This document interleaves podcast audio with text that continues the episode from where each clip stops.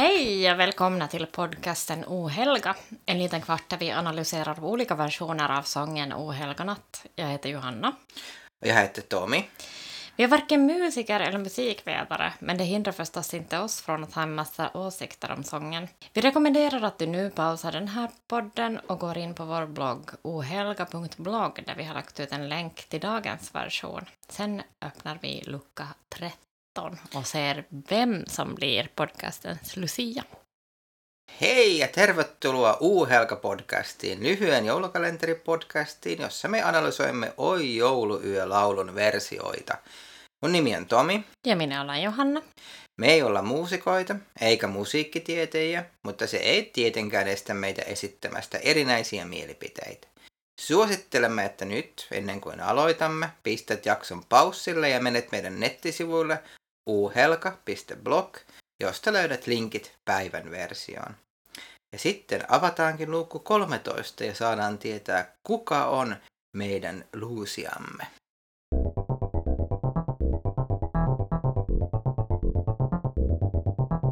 Och det är Arja Saijonmaa som är vår Lucia. Vad tänker du om det? Jo, grattis Arja!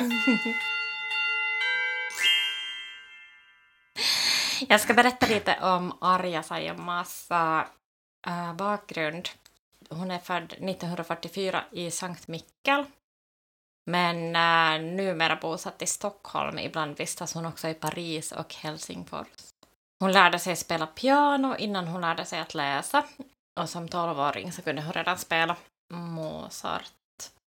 Hon äh, studerade musik i Helsingfors och blev filosofiekandidat därifrån 1992 när jag läste hennes uh, Wikipedia-sida så där fanns jättemycket om hennes musikkarriär men också om hennes politiska engagemang mm. och människorättsarbete.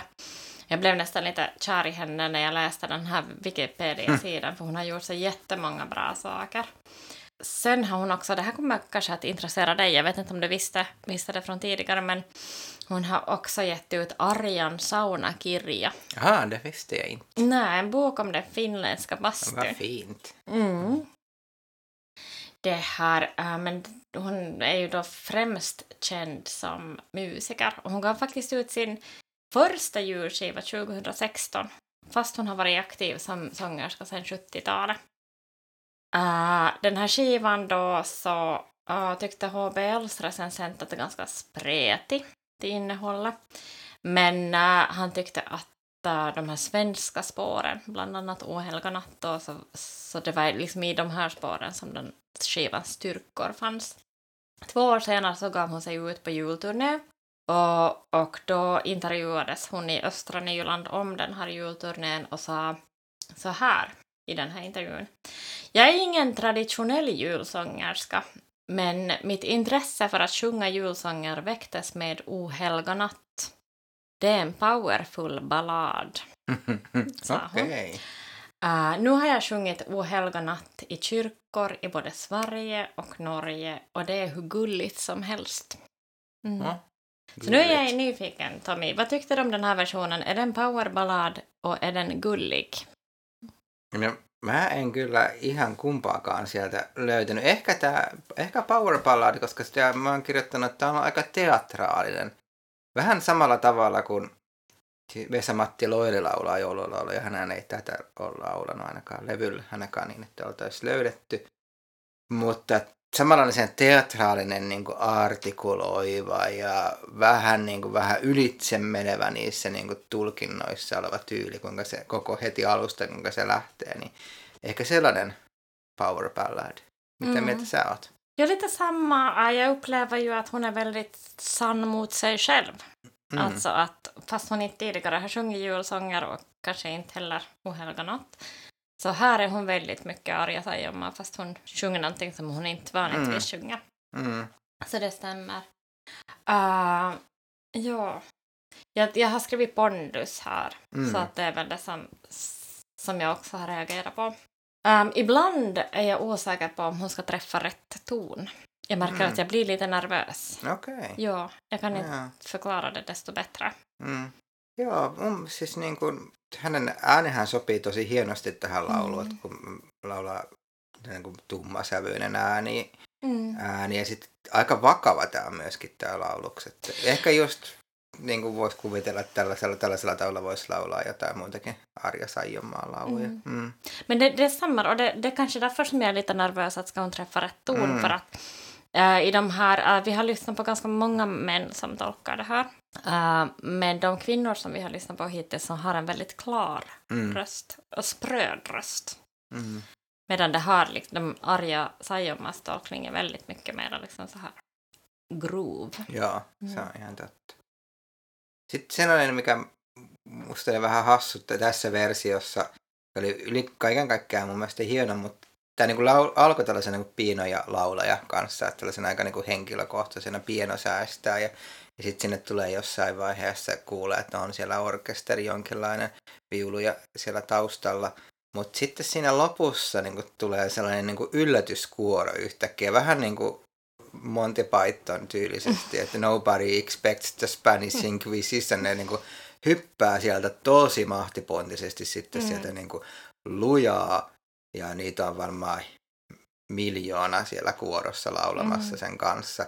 Se on jotenkin vähän niin kuin, se oli vähän outo yllätys siihen. Mm. Och där kommer vi väl så småningom in på det här med tonen, men in, innan där Tonen.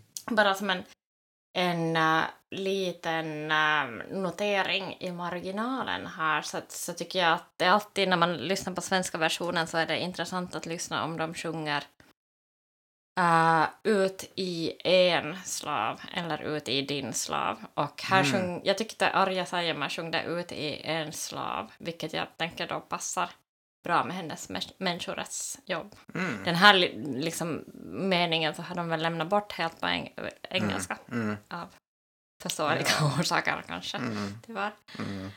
Um, men jag, jag tycker själv också att, att det här att äh, hon är bättre i de här partierna där det här stycket liksom har vuxit till sig. Mm. Joo, kyllä. Det där blivit sådär pompöst. Mm. Med miljoner i kören. Tonen. Tonen. Tonen.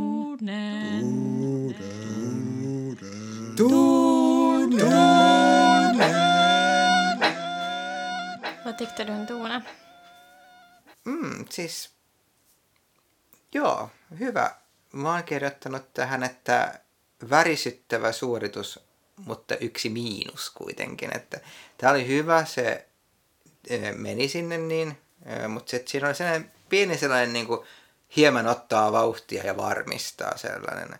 Että sellainen, mikä ehkä tekee sen vielä niin kuin vakuuttavammaksi on juuri se, niin mitä, mitä jotkut meidän laulajista on tehnyt. Että se niin kuin, hypätään sinne heti nopeasti ja sitten mm. katsotaan, että mihin päädyttiin. Mutta hänellä on sellainen pieni joku, mm, se niin kuin mm. vähän varmistaa ja sitten se menee sinne. Ja sitten se vähän liukuu sinne jopa. Mm. Mutta kyllähän se on tosi vaikuttava. Hieno suoritus. Jo, jag har också här att, att fin men lite ansträngd. Mm. Mm. Och sen har jag Weltschmerz där på slutet. det, det känns lite sådär som att, att det finns så mycket sorg i den här tonen på något sätt. Men ja, Okei, mm. hieno. Mm. Mahtavaa. det var tonen. Se oli se. No mutta minkä antaisit kouluarvosanaksi nyt Arja Saijonmaalle?